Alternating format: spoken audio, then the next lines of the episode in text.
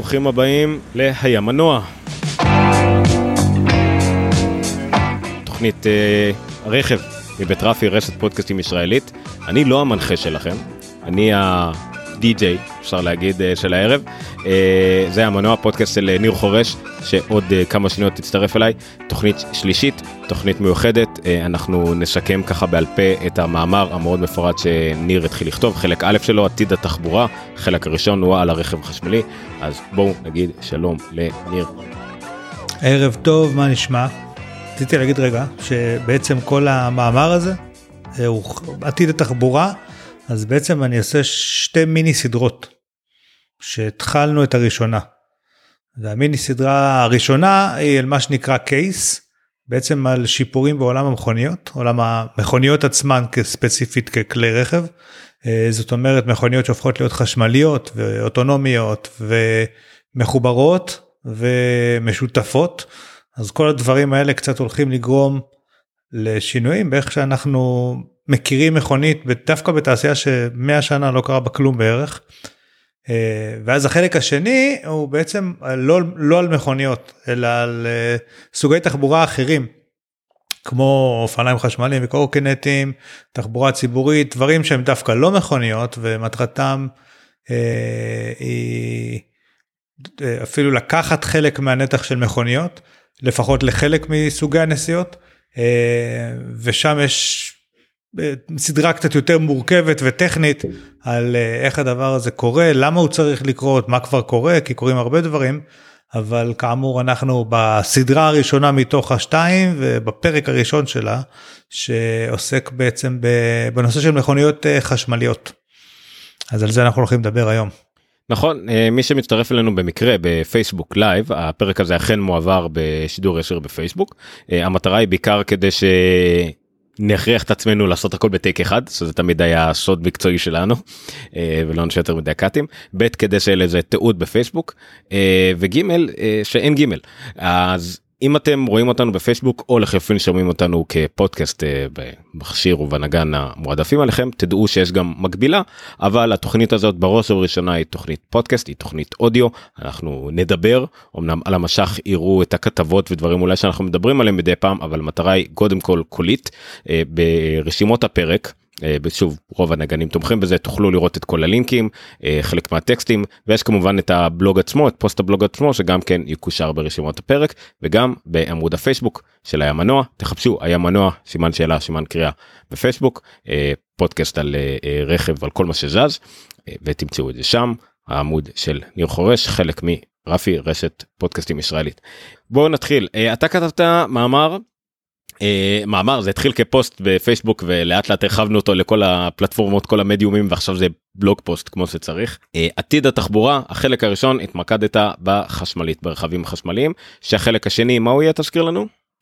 מכוניות מחוברות מה זה אומר שמכוניות מתחילות להיות מחוברות לאינטרנט ובכלל איך הגענו לשם כי. המעבר בין החיפושית שרואים כרגע בחלק העליון של התמונה לטסלה רודסטר שרואים בחלק התחתון של התמונה אה, הוא מעבר מאוד מאוד גדול הרבה מאוד דברים שונים ביניהם. ודווקא הנושא של מנועים חשמליים הוא הפשוט שבהם כי במובנים מסוימים זה בדיוק אותו דבר רק עם חשמלי אוקיי כאילו זה פשוט מנוע שלא מונע על ידי משהו אחד הוא מונע על ידי משהו אחר אז במובנים האלה דווקא הרכב לא כל כך שונה ולכן התחלתי עם חשמלית כי זה פחות מעניין. אבל uh, תחשוב על מחובר לאינטרנט וכמה הפער פה גדול החיפושית שאנחנו רואים למעלה זה כבר מביא פותח אופציות חדשות לגמרי שלא היו קיימות עד עכשיו. זהו המשפט הראשון שרשמת פה זה ראשי תיבות שנקראות case uh, connected autonomous shared ואלקטריק זה בעצם ארבעת החלקים של מה שאתה רוצה לדבר עליהם בדיוק זה ארבעת החלקים של הסדרה הראשונה כי כל הדברים האלה הם דברים שקורים למכוניות. אוקיי? זה לא קשור כרגע לאופניים חשמליים וקורקינטים ודברים אחרים. אלה דברים שמתחילים לקרות למכוניות. כשחברת אה, מרצדס או לא יודע פורד או דייצו מסתכלים על השוק אלה הדברים ש... שהם צריכים לעשות ברכבים שלהם אולי אוקיי? הם לא כרגע עושים קורקינטים או לא עושים כרגע אופניים כי הם עדיין בתחום המכוניות ובתחום המכוניות אלה הדברים שהולכים לקרות וזה קצת ההבדל מהחלק השני. אז כמו ישראלי טוב התחלת מהסוף התחלת מהאי מהאות האחרונה. ב... אז זהו, אז, אז התחלתי באמת לא לפי הראשי תיבות, אלא לפי מה שחשבתי שהוא יותר אה, פשוט, או יותר בסיסי בשינויים האלה. כיוון שבשביל לצורך העניין להגיע ל-shared, אז אנחנו כבר די צריכים אה, connected ו... אה, ו autonomous בכלל מחייב שזה יהיה electric ו connected ולכן יש איזשהו סדר כזה של איך שנבנה את הדברים. אמ, אז, אז, אז התחלתי דווקא מה, מהנושא של החשמל כי החשמל בעצם אה, הוא, הוא הכי ותיק שם כי מנועים חשמליים היו קיימים לפני שהיו מנועי בעירה פנימית שזה משהו שגם נחמד לזכור. אבל הם פשוט אף פעם לא תפסו כי היו להם כל מיני בעיות. אה, והבעיות שלהם היו בעיקר סביב נושא איך אני אוגר אנרגיה כי לאגור אנרגיה בצורת סוללה. אה, היום אנחנו כבר די מוקפים בדברים שמשתמשים בסוללות אבל זה משהו שהמון המון שנים ועדיין במובנים מסוימים אני חושב שזה החסם של התעשייה מהרבה התקדמויות נכון לפטופים קצת תקועים שם אה, מכשירים ניידים כמובן מוגבלים על ידי הסוללה אנשים מקלים, מקללים יום יום את העכברים של אפל שמדי פעם צריך להפוך אותם על הגב ולתקוע להם משהו בבטן אל תתעצבן. אבל אבל, אבל... יש נתון אבל שיפתיע אותך שלפחות שה... בשנים האחרונות השוללות הקיבולות קיבולת סוללה עולות ב-6% בשנה שזה לא רע. אז, אז, אז זה נתון שאני מכיר זה נתון שאני מכיר ואם ת, תסתכל רגע על עולם המכוניות עם המנוע בעירה פנימי אז אתה תראה שבעצם גם שם זה פחות או יותר קרה אני לא זוכר אם זה 6% או מספר אחר אבל uh, היום בכל מזדה 3 יש לא יודע 120 130 כוח סוס uh, במקבילה שלה מלפני 10 שנים היו בטח uh, 10 כוח סוס פחות ו10 שנים לפני היו 10 כוח סוס פחות ואם תלך. דייצו, אה, סליחה, אה, סובארו ליאונה 1600 משנות ה-80, שהייתה מאוד מאוד נפוצה, אני מניח שהייתה ל-70-80 כוח סוס, כאילו, זאת אומרת, גם שם יש התפתחות שבעצם כל הזמן הכוח עולה בצורה אה, כזה לינארית, אתה יודע, זה, זה לא התפוצצות, זה לא שינוי. עכשיו זה נכון שקפסיטי של סוללה הוא לא קשר ישיר לכוח סוס, נכון? הוא אולי הגדלה של מיכל הדלק, אבל במובנים מסוימים זה כן קשור כי אנחנו מדברים על, על, על, על ניצולת של אנרגיה. אה, אם יש לי בטריה מסוימת אני יכול להאריך את הזמן חיים שלה בשתי דרכים או להגדיל את הקפסיטי שלה את כמה היא מסוגלת אנרגיה יכולה לאגור או שאנחנו נוריד את הצריכת אנרגיה שזה אגב מה שעושים בעולם המחשבים נכון כל דור אה, עם פחות ננומטרים אה, של גייטים צורך פחות אנרגיה וזה מאפשר לעשות או יותר חישובים או להחזיק את הסוללה חיה לאורך זמן ארוך יותר. נכון וגם דיברנו הרבה גם בפודקאסטים האחרים שלנו על טכנולוגיה אה, שיש כמובן דרך לתקוף את זה מה, מהכיוון האחר לגמרי שהוא לקצר את זמני הטעינה. למשל נכון נכון לגמרי אם אתה נג... ו... וגם פה אנחנו מדברים על דברים ששינויים אינקרמנטליים כאלה קטנים של 6% הם לא משמעותיים אבל אם אתה תצליח להוריד זמן טעינה היום של. אה, אה, טלפון, סתם של הטלפון שיש לנו, אוקיי? אם תצליח להוריד את זמן הטעינה שלו לדקה, לא לחצי שעה, אלא לדקה. זה גורם לזה שבעצם אנחנו נסתכל על כל הדבר הזה אחרת, אנחנו לא נצטרך סוללות עם capacity גבוה. כי בכל שלב אתה פשוט מניח את זה איפשהו תוך דקה זה כבר טעון אז הסוללה יכולה להיות הרבה יותר קטנה והטלפון יכול להיות יותר דק ופתאום יכול להיות שאנחנו יכולים להשקיע בדברים אחרים ובמובנים מסוימים פתאום הטלפון נתפס בינינו כמשהו שלא מתרוקן אף פעם כי הוא כל הזמן טעון נכון כי, כי אני זה, זה לא דורש כמעט אפורט אז, אז באמת זה גם משהו שעובדים אה, גם, גם על כאלה וכמובן שיש אה, נגיד עכשיו ראינו השבוע. אה, בגרמניה נדמה לי חשפו אה, נתיב למשאיות אתה ראית את זה שיש להם על הגג כמו רכבת חשמלית כזה והם נכנסים לתוך הנתיב הזה והם נוסעים אה, ממש מכבל חשמל שיש מעליהם. ואז בעצם אתה לא מטעין אותם אלא אתה פשוט מספק להם חשמל בזמן שהם צריכים אותו וכשהם יוצאים מהנתיב הזה הם חוזרים למנוע הרגיל שלהם. אז זה גם דרכים כאילו פשוט אני לא מטעין אותך אני מספק לך חשמל תוך כדי תנועה כל מיני רעיונות כאלה על השראות מגנטית שת, שתספק חשמל וכאלה. מה, מה שמעניין אבל במה שקורה במנועים חשמליים זה שבעצם המנוע החשמלי שוב פעם הוא טכנולוגיה מאוד ישנה ואמינה. ואחד הדברים ו, ויש לו כל מיני יתרונות על, על, על מנועי בעירה פנימית אבל כאמור מה שהיה עד עכשיו עצר את הכל מלהתקדם היו הסוללות ובשנים האחרונות בין השאר גם באמת בעקבות אה, טלפונים ומחקרים של כל מיני חברות ובאופן כללי זה שכל התעשייה נמצאת על הבעיה הזו יש המון שיפור בנושא הסוללות אה, גם ב... אה. בכמה שמסוגלות לאגור גם באמת בפתרונות התנה מהירים יותר גם ברעיונות לאיך להחליף סוללות את כל מערכי הסוללות אם אנחנו מדברים על better place וכאלה אה, היו קשיים לייצר סוללות בצורה אמינה והמון מחקר של שינו חומרים ועברו מחומרים כאלו לאחרים אז קל יותר לייצר אותם היום בכמויות גדולות יותר אה, ובכלל נפתרו המון היה בעיה של משקל בסוללות כי השתמשו בעופרת ואתה לא יכול אם אתה עכשיו תשים הרבה משקל על האוטו אתה צריך בעצם יותר אנרגיה כדי להזיע אותו אז צריך להוריד קצת מהמשקל וגם בזה השתפרו המון המון אה, אה הנה כאן הזכרתי עוד בעיות של אמינות אתה לא. בטסלות הראשונות אה, היה להם כל הסוללות יושבות למטה והיו כל מיני תאולות מחרידות כאלה שמשהו אה, ניקב את התא של הסוללות ופשוט התפוצץ שם הכל וגם פה עשו סוללות שהן יותר אמינות והמכלים או התאים שמחזיקים את הסוללות חזקים יותר. בקיצור פתרו המון המון המון דברים שקשורים לסוללות וזה אפשר.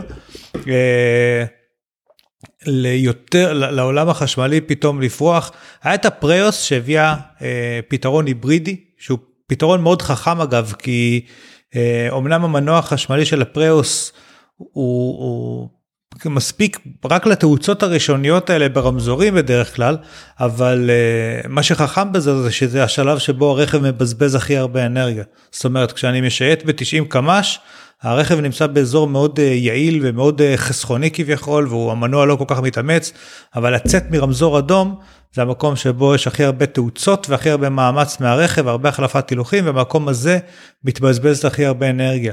אז אם דווקא במקום הזה אנחנו נותנים איזשהו חיזוק חשמלי אה, או אפילו רק חשמלי, פריוס יכולה לעבוד שם, אז אה, אנחנו פותרים את אחת מהבעיות זיהום הקשות ובעצם נותנים באמת איזשהו שיפור בדיוק איפה שצריך אותו. אבל חברות כמו טסלה ו- ולא רק הם אבל טסלה אני חושב שמאוד דומיננטית אה, אז בשנים האחרונות ממש עשו האיחוד של טסלה היא שהיא חברה של מכוניות רק חשמליות זה לא כמו פולקסווגן ווולבו וכאלה שיש להם דגם חשמלי טסלה זה רק חשמלי. יש להם גם את החברת צוללות יש להם גם את החברה של ש, שמספקת אה, אנרגיה סולארית. יש להם את כל המעטפת את כל ה vertical שקשור ל, אה, לאנרגיה. ולכן הם דוגמה מעניינת והם כמובן התקדמו מאוד מאוד אה, מאז הרודסטר הראשונה דרך המודל S ו-X ועד איפה שאנחנו נמצאים היום. אה, והמכוניות האלה הפכו להיות ממש מיינסטרים אה, ומה שמתחילים לראות כבר בהמון מקומות אני ראיתי את זה בארצות הברית אה, בקניונים ובחניונים של חברות ובחניונים של אה, בתים פרטיים וברחוב בהולנד ואמסטרדם. אה, מתנים כאילו באופן טבעי יש הרבה מקום הרבה חניות לרכבים חשמליים. אה, בארצות הברית אני חושב שאפילו ראיתי באיזשהו מקום שזה היה קרוב יותר מהחניות של הנכים. שזה קצת מגוחך בעיניי כי זה שיש לי אוטו חשמלי לא אומר שאני צריך איזשהו פריוריטי בכניסה לקניון אבל אמריקה לך תדע אה, אבל בכל אופן ככל שה... התשתיות האלה נהיות יותר נפוצות וככל שהמכוניות האלה נהיות יותר נפוצות אז uh, מתחילים להבין בעולם שמשהו קורה פה. ובתכלס מתחילים מתחילים ככל שהבעיות נפתרות מתחילים להתבלט היתרונות המאוד מאוד גדולים של רכבים uh, חשמליים. אז uh, אחד זה כמובן הנושא של זיהום אוויר.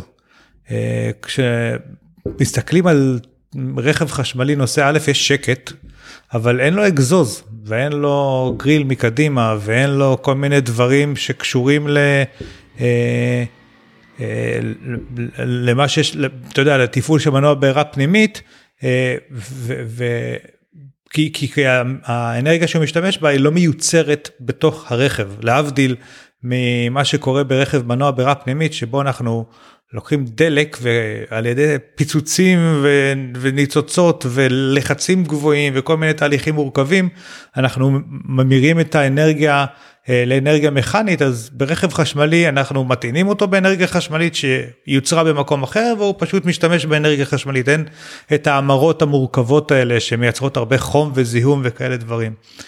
אה, ואחד היתרונות הגדולים בזה זה שכשאנחנו מייצרים אנרגיה אה, במקום אחר ולא בתוך הרכב עצמו אז הכל הרבה יותר יעיל כי אין אין כל מיני מגבלות שיש לרכבים חשמליים אתה יודע אה, סליחה לרכבים עם מנוע בירה פנימית מנוע בירה פנימית צריך להיות קל צריך להגן על הנוסעים צריך להיות. יש עליו כל מיני, הוא צריך להשתמש בסוגי דלקים מסוימים שהם בטוחים וכן הלאה, אילוצים שונים. לעומת זאת, החשמל שאנחנו מטעינים את הרכב, א' יכול להיות מיוצר מרוח, משמש, מגלי ים, או מכל מיני, או, או מאנרגיה אטומית, וגם אם הוא יוצר uh, מגז, אז היעילות בתחנת כוח הרבה הרבה הרבה יותר גבוהה מהיעילות בתוך מנוע, ולכן uh, נוצר הרבה פחות זיהום אוויר. Uh, מכל התהליך של נסיעה ברכב חשמלי ועוד דבר שקורה עם הזיהום אוויר זה שזיהום האוויר יוצא מהעיר כי התחנת כוח גם אם יש תחנת כוח הרבה פעמים היא כאילו כביכול מחוץ לעיר. בניגוד למכוניות עם בירה פנימית מנוע בירה פנימית שאת כל העשן שלהם פולטות בתוך העיר. אז, אז זה גם הבדל אה, מאוד גדול ביניהם. אז כמובן הנושא הזה של זיהום אוויר זה אני חושב הדבר הטריוויאלי אבל אחד הדברים המעניינים זה שמנוע אה, אה, חשמלי יש בו בעצם חלק אחד שזז יש שם את ה... את ה שכחתי את הרוטור ואת החלק השני. אה, שני חלקים שזזים אחד מול השני וזה כל מה שיש שם וכשמסתכלים על מנועים חשמליים ורואים את הפשטות שלהם ואת. אז קודם כל הם מאוד אמינים ודבר שני הם אין כמעט, אה, תחשבו שברכב רגיל יש לנו אה, צינורות שמוליכים נוזלים ולא נוזל אחד, יש גם דלק, יש גם שמן, יש גם נוזלי קירור, יש כל מיני נוזלים, יש כל מיני צינורות שאוטמים בראש מנוע וגומיות, אה, יש ניצוצות, יש פיצוצים, אנחנו צריכים לתחזק את כל הדבר הזה, יש גלגלי שיניים ויש זה מערכת מאוד מאוד מאוד מורכבת ויש כל כך הרבה דברים שונים שיכולים להתקלקל בה ושצריך לתחזק אותה בטיפולים מונעים. אה, וכל הדבר הזה לא קיים פשוט במכוניות חשמליות. אה, זה נכון שפעם בנדמה לי 14 שנים זה עומד היום, אה, צריך להחליף את מערך הסוללות, אבל גם אז זה פעולה יחסית פשוטה. ומעבר לזה, אתה יודע איך נראה טיפולים של טסלה? בודקים לך צמיגים ובודקים לך ברקסים, זהו, זה מה שהם בודקים בטיפול. וכמובן עוד כל מיני דברים בתוכנה, כן? דרך התוכנה, אבל צמיגים וברקסים ואפילו זה בגלל שהמנוע החשמלי אה, חלק מהדרכים שלו להיטען זה בעצם מהאנרגיה שנוצרת שהמכונית בולמת אז היא בולמת בעזרת המנוע החשמלי אז אפילו הברקסים לא כל כך משתמשים בהם אז כל הדבר הזה מאוד מאוד אה, כל, כל הרכב החשמלי הוא מאוד אמין ומאוד קל לתחזוקה ואתם פשוט לא רואים מוסך. אני מכיר, כאילו שמעתי שהרבה אה, בעלי טסלה לא מגיעים לטיפולים האלה, מתחברים אליהם מרחוק אה, לאוטו, מריצים איזה דיאגנוסטיקה כלשהי על האוטו ו... וזהו, הטיפול נגמר. אם אתם חושבים שאתם צריכים להחליף צמיגים או שיש לכם איזושהי בעיית בלמים, תבואו למוסך כאילו, אבל other than this אין צורך, אין צורך לבוא עם האוטו לטיפול, שזה מדהים וזה חסכוני מאוד.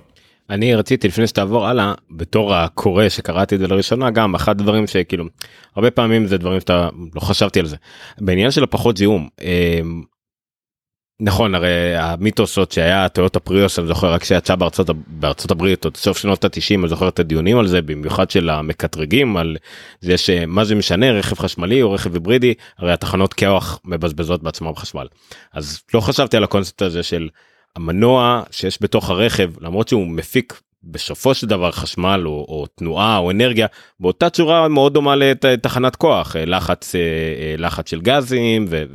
אבל העניין של הנצילות והיעילות שמתבזבזת לא חשבתי על זה.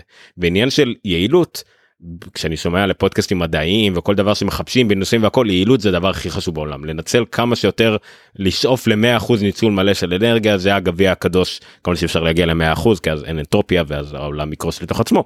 אבל אה, הרעיון הזה כאילו מאוד מאוד קשה ובטח אני לא יודע מה היעילות של רכב בעירה פנימית. אני משער שזה על עשרות אחוזים בודדים לא לא משהו שמתקרב אפילו ל-70 80 90 אחוז. המון המון עיבודים על חום המון המון המון עיבודים על חום וזה חלק מה... אה, דרך אגב גם בעולם החשמל כשמייצרים אה, חשמל בצורה שתהיה הכי אופטימלית שיש בתחנת הכוח, כן? צריך בסופו של דבר להעביר את החשמל הזה אלינו, ומעבירים את זה באיכותי חשמל. ואחד המאבקים הכי גדולים של המדע זה לחפש מוליכי על, כאילו כי היום המון חשמל מתבזבז על ההובלה שלו באיכותי חשמל. אז כל העולם הזה באמת של נצילות ויעילות של... אה, הוא, הוא מאוד משמעותי, ושוב, גם להזיז את הזיהום החוצה מהעיר הוא גם משהו משמעותי. למרות ששם זה כזה, אתה יודע, במשחק, בתמונה הגדולה, אנחנו רוצים להוריד את הזיהום, כן? אבל גם להוציא אותו מתוך העיר זה כבר איזשהו שיפור. לא, היה לנו גם אה, הגיבו לנו בחלק מהקבוצות כולל בפורום חומרה כמובן של רב הקבוצה הכי גדולה אז כן שהייצור של מנוע חשמלי גם עצמו הייצור של המנוע של רכב חשמלי יכול להיות אפילו אה, יותר אה, מזהם מייצור של רכב רגיל אבל אה, שוב זה לא משנה כי הכל מסתכלים על זה ביחס של שנים קדימה וברגע שרכב מחזיק מעמד כל כך הרבה זמן העלות המתגלגלת של ההשפעה שלו על הסביבה יורדת ברמה דרסטית. המנוע עצמו לדעתי הייצור שלו דווקא לא נורא הסוללות הסוללות שם זה הבעיה כי הסוללות אה, זה גם מחצבים מכל מיני מקומות בעולם וכל מיני חומרים נדירים כאלה ולשנע את החומרים מכל המקומות שחצבו אותם בעולם אל המפעל שאורז את הסוללות או מייצר את הסוללות. מייצר זיהום של כל האוניות והמשאיות שבדרך, ואחרי שאתה משנע את הסוללות משם למפעל של המכוניות, זה מייצר זיהום וכן הלאה. אה, דרך אגב, עובדה נורא מעניינת שקשורה לנושא של יש מעט חלקים זזים ובעצם האוטו כמעט ולא מתקלקל, זה שתחשוב על זה שאתה קונה אוטו, וכעבור שלוש שנים הוא כמעט לא השתנה בו שום דבר מבחינה חומרתית, נכון? כאילו בעצם הוא, הוא לא התיישן כמעט במובנים מסוימים, אה, כי כל המנועים יכולים לחיות המון, אה, אבל מה שכן קורה לו, זה שיש לו עדכוני תוכנה. שמשפרים בו דברים, אנחנו לא נדבר על זה בפרק הזה, אבל הוא בעצם נוצר מצב שאוטו בן 3-4 שנים לפעמים טוב יותר ממה שהוא היה כשקנו אותו. כי יצאו כל מיני עדכוני תוכנה שמנהלים את הסוללות טוב יותר וכל מיני מערכות ופתאום נוספות לו יכולות של אה, לא יודע נהיגה אוטונומית או פיצ'רים חדשים או ספוטיפיי אני לא יודע כל מיני תמיכה בכל מיני דברים ואוטו בעצם מתחיל להיות הערך שלו לא רק שלו יורד אלא במובנים מסוימים הערך שלו אפילו עולה. ככל uh, שעובר הזמן, uh, וזה חלק מהקסם של רכב חשמלי. זאת אומרת, זה רכבים שאתה לא כל כך צריך או רוצה למכור אותם, כי האוטו נהיה טוב יותר. קצת כמו, אתה יודע, שטלפון, אתה יודע, אחרי כמה עדכוני תוכנה פתאום אה, הוא קצת מתיישן ברמת הסוללה, אבל סך הכל יכול להיות שהוא טוב יותר, אז אה, כאילו הוא יודע לעשות דברים שהוא לא יודע לעשות קודם, לא, לא בהכרח טוב יותר. אז אה, זה גם קורה עם מכוניות חשמליות. אה, עוד דבר שהוא מאוד מעניין, ושוב, מאוד מזכיר טלפונים, אה, זה הנושא שאיך אנחנו רגילים עם מכונית רגילה, אנחנו הולכים לתדלק. אה, זה מספיק לנו לטווח של 500 קילומטר או לא יודע כמה, 300, תלוי איזה אוטו. נוסעים, נוסעים, נוסעים, נוסעים, נוסעים, ואז אחרי כמה ימים מתדלקים שוב פעם, ולפעמים אנחנו נדלקת לנו הנורה אדומה, אנחנו קצת בלחץ, הולכים לתדלק, אבל כל פעם שתדלקנו אנחנו רגועים כאילו ל-500 קילומטר או משהו כזה, אין לנו עכשיו לחץ, ואנחנו יודעים שאפשר לנסוע כמה שאנחנו רוצים פחות או יותר. אה, במכונית חשמלית, אה, אחת הבעיות שהטרידו לאורך הרבה זמן הייתה שבאמת הטווחים הם היו נמוכים יותר. בסוללות שהספיקו ל-200 קילומטר. איפה זה לעומת ה-500 קילומטר שאנחנו רגילים אליהם? מה, מה יקרה אם אני צריך עכשיו לעשות נסיעה מאוד ארוכה ולהטעין את המכונית, לוקח 40 דקות? כל הדברים האלה היו מאוד אה, בעייתיים, אבל א', אה, הטווחים של הסוללות גדלו, והיום הטסלות החדשות באמת מחזיקות אה, 500 קילומטר אה, או טווחים כאלה. אבל מה שהרבה יותר מעניין זה שבעצם משתמשים במכוניות האלה בצורה קצת שונה. הרבה יותר דומה לטלפון. הכוונה היא שבמהלך הלילה אנחנו uh, מטעינים את האוטו, נכון? אנחנו ישנים ובלילה האוטו ניתן, ובעצם כל בוקר אנחנו יוצאים מחדש עם 100% סוללה טעונה. Uh, ולכן כל זמן שאין לנו נסיעות ארוכות במיוחד, אנחנו כל יום יוצאים מהבית עם 100% וכל הנסיעות שאנחנו עושים בדרך כלל לחברים, לעבודה, לסידורים בתוך העיר, דברים כאלה הם 20 קילומטר צעד, 30 קילומטר, אז אנחנו נגיד גמרנו 100 קילומטר ביום, חוזרים בערב הביתה, מטעינים את האוטו ולמחרת בבוקר הוא שוב על 100 אחוז. ואז יוצא שאנחנו לא הולכים לתחנות דלק, כמעט אף פעם. המצבים היחידים, מה זה תחנת דלק? תחנת טעינה מהירה לצורך העניין, שיש על דרכים ראשיות, כי בכל זאת, אם אנחנו כן עושים מסלול ארוך, אנחנו צריכים איפשהו להטעין את האוטו. אז מה שיוצא זה שאנשים עם מכוניות חשמליות אה, שוכחים מכל הדבר הזה של כל כמה ימים ללכת לתחנת דלק, כי אם יש לי מטען בבית או בעבודה, אז כל הזמן האוטו שלי טעון ואני אף פעם בכלל לא מתקרב למצב שנגמרת הסוללה עוד מעט. אה, וצריך לזכור שיש גם אה, מין אה, מטענים שאני יכול לקחת איתי, כך שאם אני נוסע לטיול ואני מגיע למוטל, זה לא יהיה המטען של 40 דקות, הסופר צ'ארג'ר המיוחד של טסלה אולי, או של היום כבר פחות מ-40 דקות, אבל זה עדיין יטעין לי את רוב האוטו במהלך הלילה, משקע רגיל של חשמל עם איזשהו ממיר שאני לוקח איתי.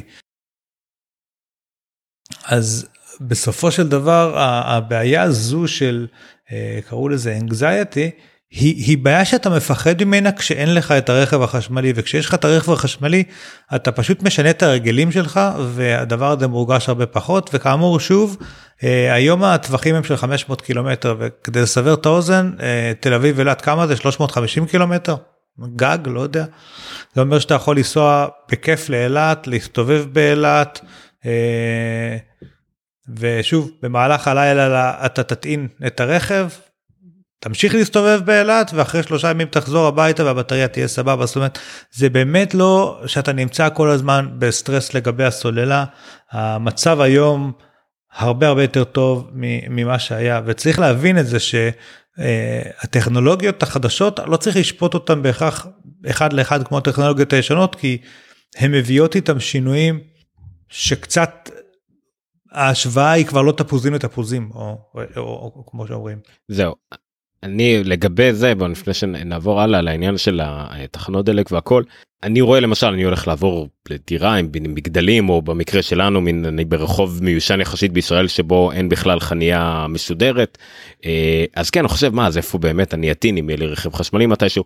ואז רשמת דבר נכון לגבי אה, במקומות העבודה במשרדים יהיו מקומות יותר מסודרים אה, ואתה נתת אולי את הדוגמה הכי טובה כמו אילת או כל אטרקציה עיקרית. הרי יהיה את האינטרס הכי גדול שאצלם יהיו את העמדות טעינה. ואין לי בעיה עם זה אפילו שיהיה להם את האינטרס שיש שם עמדות טעינה אה, איטיות כדי שיחליטו שהם רוצים פשוט שנהיה אצלם יותר זמן כאילו. סבבה כל עוד החשמל זה בחינם. אבל אה, אה, זה דבר שצריך לחשוב עליו בהקשר הזה. האנגזייטי שאתה מדבר עליו הוא גם כן נובע הרבה פעמים מהפחד שלנו שלא נצליח לעשות דברים שבוא נודה באמת בחיים לא היינו עושים. נכון. לא היינו קופצים ספונטנית לאילת ב... ועוז מתבאסים שנגמר לנו באמצע לא לא היינו עושים את זה ולא היית נוסע אה, הלוך חזור. קיצור יש שוק מאוד מאוד קטן של אנשים שזה יכול לפגוע בהם. נכון. זה בעיקר השוכני שטח עובדים שבאמת נוסעים כל הזמן נהגי מוניות כמובן דברים כאלה וגם הם בגלל אולי סיבות אחרות של חשמל שבניגוד לבנזין. מתאוצות מהירות ובלימות מהירות דווקא מבזבז פחות חשמל mm-hmm. מאשר אה, נשיאות בכביש מהיר. אז אפילו להם יכול להיות שיספיק 500-600 קילומטר או כמו שאנחנו יודעים על הטסלה רוסטר החדש הם אפילו מבטיחים אלף קילומטר טווח. ואגב נגיד שאחד מהמוטיבים שיחזרו בכל השיחות שלנו זה לא לכולם, אתה יודע, בסופו של דבר, להרבה, אני מאמין שלרוב האנשים זה מתאים, אבל אם, אם אורח החיים שלך אה, דורש משהו אחר, אז אולי תיקח באמת היברידי או פתרון אחר, שתוכל לחסוך בזיהום אוויר ועדיין אתה לא תיתקע אף פעם, כי תמיד תחנת דלק אה, תוכל להציל אותך, זאת אומרת, אני מאמין ששוב, ככל שיעברו הזמן, יעבור הזמן התשתיות ישתפרו וזה יהיה פחות אישו השאלה של איפה אני מתאים. קשה להפריד קשה להפריד את הדיון הזה מהדיון הכולל של כל הארבעה חלקים לפרויקט הזה שאתה רוצה לעשות כי ה-S בקייס השרד זה אולי הרגל הכי חשובה מבין כל הארבעה רגליים האלה לגבי באמת העתיד של התחבורה והאנגזייטי וכל הדברים האלה וגם זיהום אוויר גם uh, כל הדברים האלה כאילו. אבל שוב לא נקפוץ קדימה זה טיזר לשרד בקייס הזה שזה חשוב. טענה שלי היא יותר ממה שאמרת עכשיו הטענה שלי היא שכל הארבע האלה הם לא המהפכה החשובה. והמהפכה החשובה אל תשפר. היא לא היא, היא, היא תהיה באמת מ... מה, מהנסיעות הקצרות רוב הנסיעות של רוב האנשים אפילו גם בטח של אובר וכאלה הם אה, פחות מחמישה קילומטר. אה, פחות מ-15 קילומטר אתה מכליל נדמה לי 80% מהנסיעות בעולם. ותחשוב על מה זה אומר כי 15 קילומטר יש קונספט שאנחנו נדבר עליו בהרחבה בהמשך שהסימקו קורא לו uh, unbundling of the car.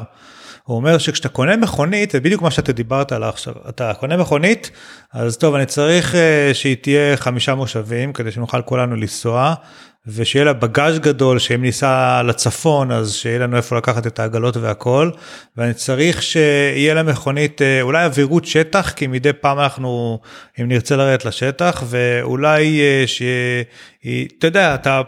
אתה מה שאתה קונה זה אתה קונה את כל מקרה הקצה שאולי תצטרך עם האוטו אבל בפועל רוב המכוניות נוסעות על הכביש עם נהג אחד לנסיעה של 15 קילומטר הלוך 15 קילומטר חזור או מספרים כאלה. מה שאתה מראה פה בגרף כרגע זה באמת התפלגות המרחקי נסיעות ורואים שכל העקומה הזאת היא לא גאוסיאנית סביב האמצע היא עקומה שמאוד מאוד מאוד מאוד מאוד קרובה לאפס יש מסה אדירה של נסיעות בפחות מעשרה מייל. שמה זה המס הזה זה מעל 70-80 אחוז מהנסיעות ו, ואז צריך לשאול שאלה האם בשביל נסיעה של אה, אה, קודם כל נסיעה של 500 מטר אתה תזיז את האוטו? לא יודע פתאום אתה רואה שליימים וכאלה ב-500 מטר עושים עבודה יותר כיפית ואתה לא צריך לחפש חנייה אתה לא צריך לעשות כל מיני דברים לוקח ליים נוסע איזה שני קילומטר וסוגר את זה. ו- וזה בסוף מה שאנחנו נעשה ה-unbundling הזה אומר זה בעצם אני לא צריך מכונית אחת שתעשה את הכל. אני צריך מכונית אחת ליום יום שאני נוסע עבודה עם עצמי, אה, כלי רכב מסוים, ואם אנחנו רוצים נסיעה משפחתית, כלי רכב אחר, ולא בהכרח כל כלי הרכב האלה צריכים להיות שלי. זה, זה קצת הקונספטים שמתחילים להשתנות ולהתערער. אבל אני רוצה לחזור שנייה דווקא למכוניות החשמליות ולעוד כמה יתרונות שאני נגעתי בהם ממש בבולטים. יש מרכז כובד נמוך יותר. אה, טסלות זוכות כבר כמה שנים ברכב הכי בטוח בעולם בעקביות. אחד מהדברים שעוזרים זה באמת המבנה. זה לא רק המרכז כובד הנמוך זה בכלל כל המבנה של השלדה שהבטריות הן למטה ומאפשר להם הרבה יותר להנדס את הצורה של האוטו איך שהם רוצים הם פחות מוגבלים מכל מיני תעל המנוע ודברים כאלה ואיפה שעוברים ההילוכים ואיפה שעוברים המוט כאילו הרבה פחות דברים הם צריכים לקחת בחשבון בבניית רכב חשמלית וחשמלי ויש לו מרכז כובד מאוד מאוד נמוך אז הוא הרבה יותר בטוח וחסין להתהפכויות. או כמעט חסין יש בו יותר מקום כי בעצם אין מכס, מתחת למכסה מנוע אין מנוע וגם בבגאז' אין מנוע כי המנועים החשמליים הם צמודים לגלגל. אז המכוניות האלה החשמליות הן מאוד מאוד מרווחות. בטסלה S יש אה, שבעה מושבים וזה כביכול רכב אה, לא יודע אה, רכב מנהלים לא רכב מנהלים הוא כמו ב-M7 7 נגיד אני לא יודע משהו כזה.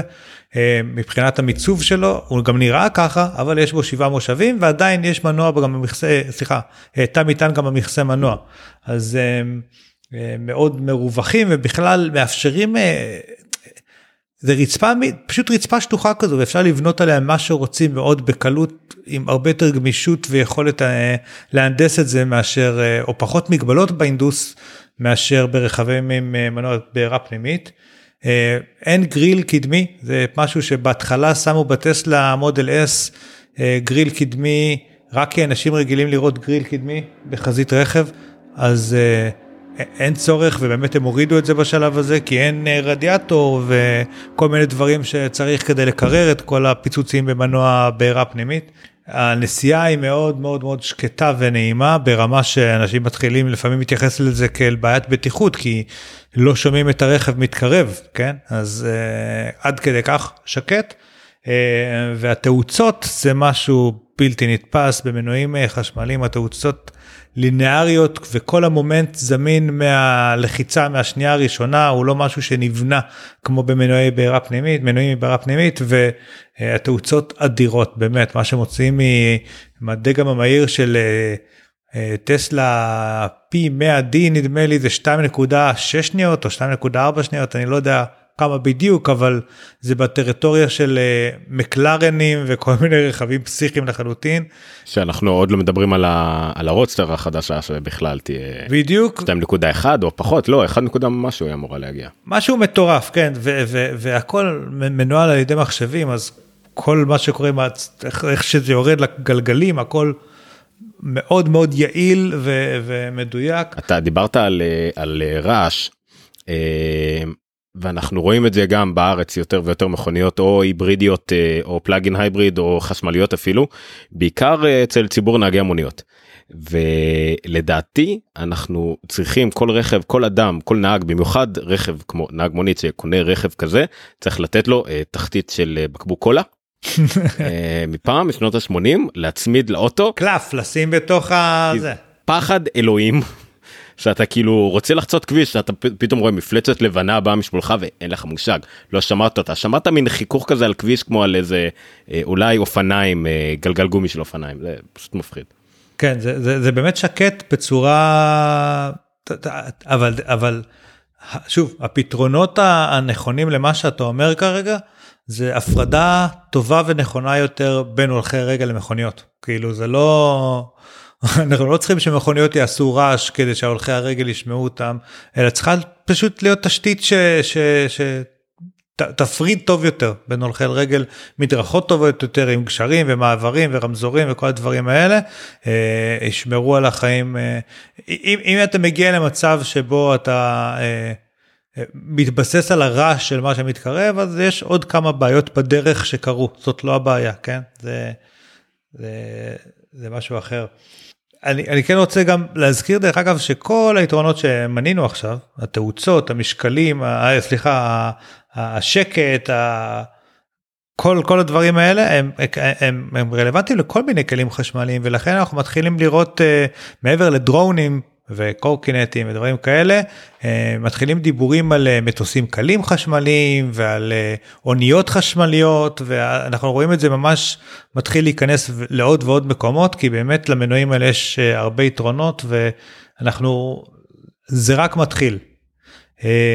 וסוללות כמובן היא טכנולוגיה שמיליארדי סוללות קיימות היום בעולם ומיוצרות כל יום שוב בטלפונים ובשעונים ובדברים כאלה לפטופים אבל אה, זה רק אומר שהטכנולוגיה נמצאת under heavy research אה, כאילו המון המון חוקרים אותה ולכן אנחנו אפילו מצפים לשיפורים עוד יותר בתקופה הקרובה. אה, יש, יש חסרונות למכוניות החשמליות obviously שוב נזכיר את איכות הסביבה שזה כאילו אחד הדברים הכי מהותיים שמכוניות חשמליות באות לתת והזכרנו גם את נושא המחצבים. אמ, יש ממש חומרים ש... בוא נגיד שבשביל להשיג עוד מהם והם נחוצים מאוד לסוללות אה, זה בעייתי או במובן שאי אפשר לעשות את זה בלי עבדות או שנשלם המון למדינות שמחזיקות את, את כל המאגרים אה, או שזה ייצר הרבה זיהום. השינוע של המשאבים האלה אל המפעלים, השינוע של הסוללות מהמפעלים, אה, השינוע של החשמל, אבל שוב נזכיר שבאוברול ובעיקר ככל שהחשמל נהיה נקי יותר, פחות חשמל מיוצר מפחם ויותר חשמל מיוצר מ... אה, אנרגיה אה, נקייה אז ככל שהדברים האלה קורים. דרך אגב בתמונה שאתה מראה עכשיו אה, גם רואים את המנועים שנמצאים צמודים לגלגל וגם רואים כמה כל המרכב האוטו עצמו הוא כלום הוא פשוט פלטה פלטה עם uh, גלגלים ותשים עליה מה שאתה רוצה עכשיו. אתה רואה כמה בקלות הדבר הזה יכול להפוך לטנדר או לטרנזיט כמו בימבה, בובי ובימבה, אתה זוכר שהייתה הופכת לדברים? אז זה פשוט יכול להפוך להיות איזה אוטו שאתה רוצה והם באמת uh, משחקים על, ה, על הדברים האלה מאוד, אבל מה שאתה עוד מראה פה באמת זה ש... מדברים על זה של, אה, שיש כל מיני מינרלים שהם נחוצים וממש נהיה קשה להשיג אותם. זה, זה דברים שאתה יודע, א', יש טכנולוגיות חדשות לסוללות שכל הזמן עובדים עליהם, כאלה שמבוססות על פוספורין וכל מיני חומרים אחרים, אה, וגם ימצאו סוללות שיעבדו עם חומרים אחרים, כן, אבל צריך לדעת שזה, שזה לא מושלם. אה, אז זה דבר אחד שאמרנו, והדבר השני שאני חוזר אליו, שהוא חיסרון של מכונית חשמלית כמו שהוא חיסרון של מכונית עם מנוע בעירה פנימית, זה הנושא שבסופו של דבר אה, אנחנו רוב הנסיעות שלנו יושבים בן אדם יושב בן אדם אחד באוטו ובן אדם אחד ששוקל 80 קילו רוב ההיסטוריה הספיק סוס אחד כדי להזיז אותו ממקום למקום גם למרחקים ארוכים וגם במהירויות יחסית גבוהות. ומה שקורה עכשיו זה אנחנו צריכים 120 סוסים כדי להזיז את אותו בן אדם, אה, בגלל שאתה לא מזיז רק את הבן אדם עצמו, אתה מזיז את הטון וחצי שעוטף את הבן אדם. וככל שעובר הזמן אז ה... צריך יותר מערכות בטיחות והמשקל עולה וצריך עוד סוללות וצריך לא יודע עוד כל מיני דברים והמשקל של מכוניות עולה וצריך עוד אנרגיה כדי להזיז את המשקל הגבוה יותר אז אתה צריך עוד דלק אז המשקל עולה ואתה צריך מנוע חזק יותר אז המשקל עולה וכן הלאה. אה, ובסופו של דבר הבעיה הבסיסית של התחבורה בעולם היום היא שטון וחצי מזיז בן אדם ששוקל 70-80 קילו ופה יש חוסר יעילות מאוד מאוד גבוה. ש, שזה נכון אגב שלפעמים כן עושים חמישה אנשים ברכב אבל שוב רוב הנסיעות זה לא ככה ופשוט תסתכלו על המכוניות סביבכם כל יום בכביש ואתם תראו שרוב המכוניות יש בן אדם אחד ו... ועד שאנחנו לא נגיע למשהו יעיל יותר בדבר הזה זה לא משנה אם אנחנו מייצרים את החשמל אה, אם המנוע הוא חשמלי או מנוע בעירה פנימית שם יש איזה בעיה מאוד מאוד בסיסית שצריך לפתור אותה צריך ש... לא יודע לחזור למשהו שהוא בגודל סוס ומטה ש, שישנה אותנו בצורה יעילה ואז נצטרך להשקיע הרבה פחות אנרגיה ואז נצטרך לזהם פחות לא משנה באיזה דרך.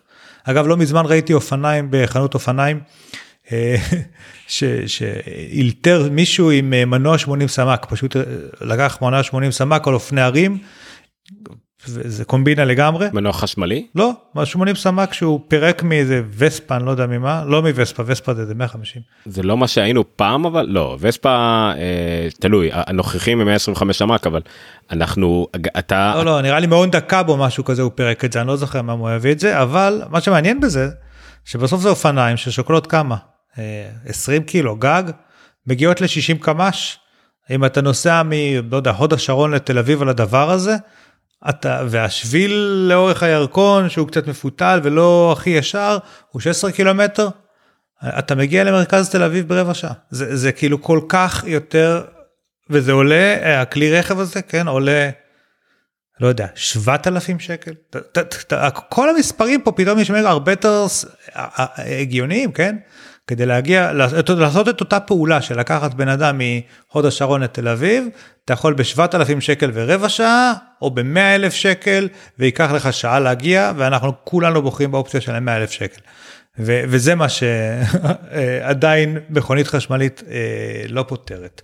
זהו, מה שעוד אנחנו כן אה, קצת נדבר עליו זה בעצם איפה אנחנו נמצאים היום בעולם המכוניות החשמליות, אה, אז דיברנו על השיפורים בסוללות, יש כאמור את השיפורים על תוכנה שגם דיברנו שגם אה, הנושא של חרדת הטווח הזאת של מה אם אני אצליח להגיע לפני שתיגמר לי הסוללה אז פתרו בהרבה דרכים יצירתיות חלקן זה מפה שממש מראה לך את כל תחנות התהילה הטעינה מסביבך.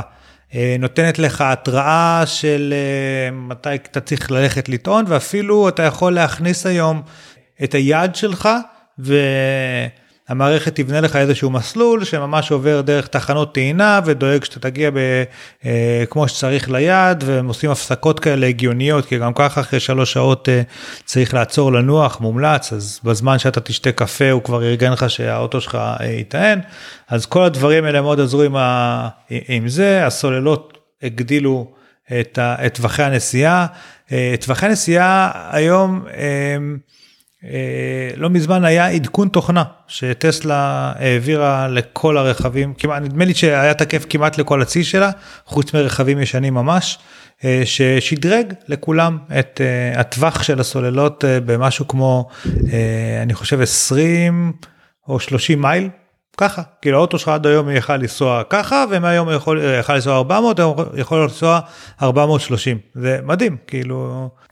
על אותה חומרה, כן? בלי להחליף סוללות, בלי ללכת למוסך, בלי כלום, הם פשוט שינו את התוכנה, משהו בתוכנה שמנהלת את כל האנרגיה באוטו, ואופס, הרכבים נוסעים אה, עם, עם טווח גבוה אפילו יותר. אז אבל אנחנו נמשיך לראות עוד עוד כל מיני שיפורים כאלה שאת בעיית הסוללות לפחות אה, פותרים וכנראה מנועים יעילים יותר וכן הלאה. וחשוב להגיד שאנחנו מזכירים פה כל הזמן את טסלה ואנשים קצת נוטים להתייחס לטסלה בביטול כי הכל שם מרגיש כזה לא יציב וסבבה אילון מאסק יצא לאיזה הרפתקה אבל uh, אין לדעת איך זה ייגמר הם יכולים לקרוס מחר הם, הם, הם, הם מרגישים כמו חברה מסיליקון וואלי uh, שיציבה כמו סטארט-אפים מסיליקון וואלי uh, אז, אז חשוב להגיד על הדבר הזה שיש הרבה אין חברה היום. אני חושב מהחברות הגדולות שלא עובדת מאוד מאוד חזק, כבר לרוב החברות כבר יש דגמים חשמליים. וכולם עובדים על מנועים חשמליים ושמתי פה אפילו קישורים ל statement של נגיד פולקסווגן שמדברים על זה שב-2026 שזה עוד כמה שבע שנים הם מפסיקים אה, לא רק שהם הולכים להשקיע 30 מיליארד אה, אה, pound בשנים הקרובות בכל מה שקשור ל... הנה מדברים על זה electrification אוטונומי ו future tech ב-2026 הם מתכוונים להפסיק לפתח מנועי בעירה פנימית. שזה statement אדיר כאילו מחברה כמו פולקסווגן וכולם גם לפורד יש כאלה דוגמאות ווולבו ואני לא יודעת כולם בכיוון הזה.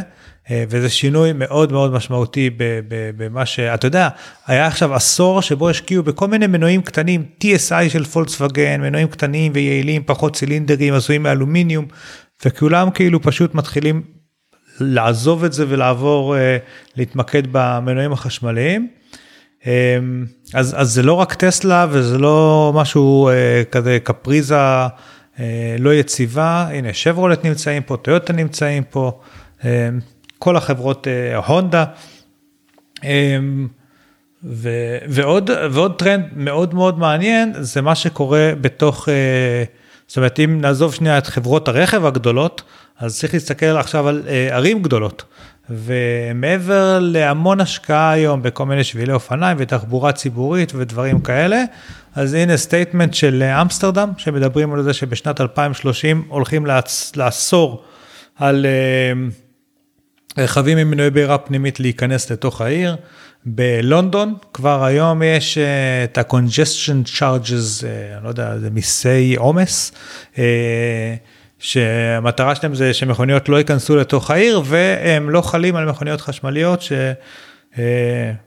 שהן מקבלות עדיפות על כן להיכנס לתוך העיר. אני חושב שבאיפה זה היה? בבריסל, אני חושב, עשו יום יש יום אה, שאסור למכוניות חשמליות להיכנס לתוך, אה, סליחה, מכוניות אה, מנועי בעירה פנימית להיכנס לתוך העיר, וכן הלאה, זה כאילו קורה בדלפט, בהולנד, דברים מדהימים קורים, אז אני אומר, זה, זה, זה גם הטכנולוגיות עצמן, וזה גם חברות הרכב שמתחילות לנוע לשם, וזה גם העיריות והתשתיות שמתחילים לנוע לשם, ובסופו של דבר השורה התחתונה מכל מה שדיברנו, זה שהנושא הזה של מנועים חשמליים, מכוניות מונעות מנועים חשמליים, זה משהו שהולך אה, לתפוס תאוצה מאוד מאוד, הוא כבר, הוא כבר תופס תאוצה מאוד גדולה, ואני חושב שאנחנו נראה את השינוי הזה קורה ממש מהר. כבר הסטייטמנטים האלה שאנחנו שומעים הם מאוד מאוד מהירים. אה, שבע שנים מהיום להפסיק לעבוד על מנועי בעירה פנימית, זה, זה, זה קרוב, זה אומר שבמובנים מסוימים כבר בטוח שאת המחקרים, את התקציבים הגדולים וה, והאנשים הרציניים הם כבר משקיעים בעתיד, כן? אם יש לך עכשיו פרויקט שהוא לש, לשבע שנים הקרובות, איזה שורט טרם, ויש לך פרויקט שהוא כל העתיד של פולקסווגן, את האנשים הטובים שלך אתה שם בפרויקט השני. אז אה, זהו, אז עד כאן לדעתי אנחנו על, על, על רכבים חשמליים, הפרק הראשון בקייס. אה, ואנחנו ניפגש פה עוד מעט, עוד מעט. אני עכשיו כותב את, החלק השני, ואחרי שאנחנו נפרסם אותו, אנחנו נעשה עוד פרק. לא, אז חשוב להגיד, uh, התוכנית הזאת היא קודם כל פודקאסט, סליחה, היא קודם כל המוח של ניר, uh, שמתורגם לכדי פודקאסט, uh, או מילים כתובות, בעמוד של הים מנוע אה, יעלו מדי פעם גם קישורים זריזים אני מנסה להעלות משם אה, ידיעות מפה ושם למשל פולקסווגן בעקבות הידיעה שעשית שהם הולכים להשקיע 30 מיליארד pound אה, פתחו את המפעל הכל חשמלי הראשון שלהם שהוא על חורבות מפעל הראשון של אאודי. נכון. אז זה גם סוג של זה ששמנו את זה גם כן בעמוד הפייסבוק אז תעשו לייק ותצטרפו לעמוד הפייסבוק שלנו יש שם כל מיני ידיעות שקשורות לתחבורה גם תחבורה אנושית כמו רכבים חשמליים אבל גם חלל ותעופה וכל שאר הדברים שמעניינים את ניר ואותי בתחום. Uh, תירשמו לפודקאסט הפודקאסט זמין בכל פלטפורמה אפשרית uh, פתוחה שקיימת גם באפל גם בספוטיפיי גם ב Podcast Addict גם באוברקאסט כל מקום חפשו היה מנוע או שתיכנסו לאתר שלנו מנוע נקודה רפי נקודה מדיה. או תחפשו את רפי רשת פודקאסטים ישראלית שם יש באמת את כל הכישורים כדי אה, להירשם לתוכנית. אה, אז תעקבו אחרי עמוד הפייסבוק של אה, היה מנוע כרגע זה הדרך הכי טובה לקבל עדכונים אבל יש גם טוויטר וכדומה חפשו את ניר בשטרודל נירחו NIRHO אה, בטוויטר וכמעט בכל אה, מקום אפשרי. אה, חוץ מפייסבוק הוא לא פייסבוק. אה, אבל הוא כן בעמוד אל תדאגו. אין ברירה. אה, אני עומר ניניו אה, יחד עם אה, ניר הקמנו את רפי. אני עוזר לניר פה עם התוכניות. אה, אתם יכולים למצוא אותנו בעיקר באפ, אותי באפלוג אה, פודקאסט ועמוד מאוד אה, עמוס על אה, אפל. יש לנו את הנונקאסט מגזין טכנולוגיה שיחזור מתישהו. ועוד הרבה תוכניות הרבה הרבה תוכניות במובן של פודקאסטים והרבה תוכניות במובן של תוכניות לעתיד כי עתיד תמיד יש אה, זמן פחות. אה, ואם אם אלמוג שרד עד עכשיו נגיד לו מזל טוב. כן מזל טוב אלמוג אה, עדיין לא 12 בלילה לפי השעון שלי. לגמרי בתוקף. אז תודה רבה אז זה היה מנוע פודקאסט אה, על אה, תחבורה על כל מה שזז תוכנית על כל מה שזז עם אה, ניר חורש.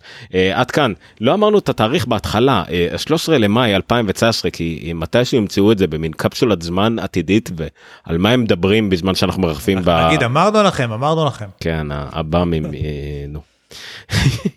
יזכרו שהיה פה מע"מ אולי משהו על כדור הארץ זהו אוקיי אז uh, תודה רבה שהייתם איתנו תעקבו תפיצו את הבשורה ולילה טוב בינתיים להתראות. לילה טוב.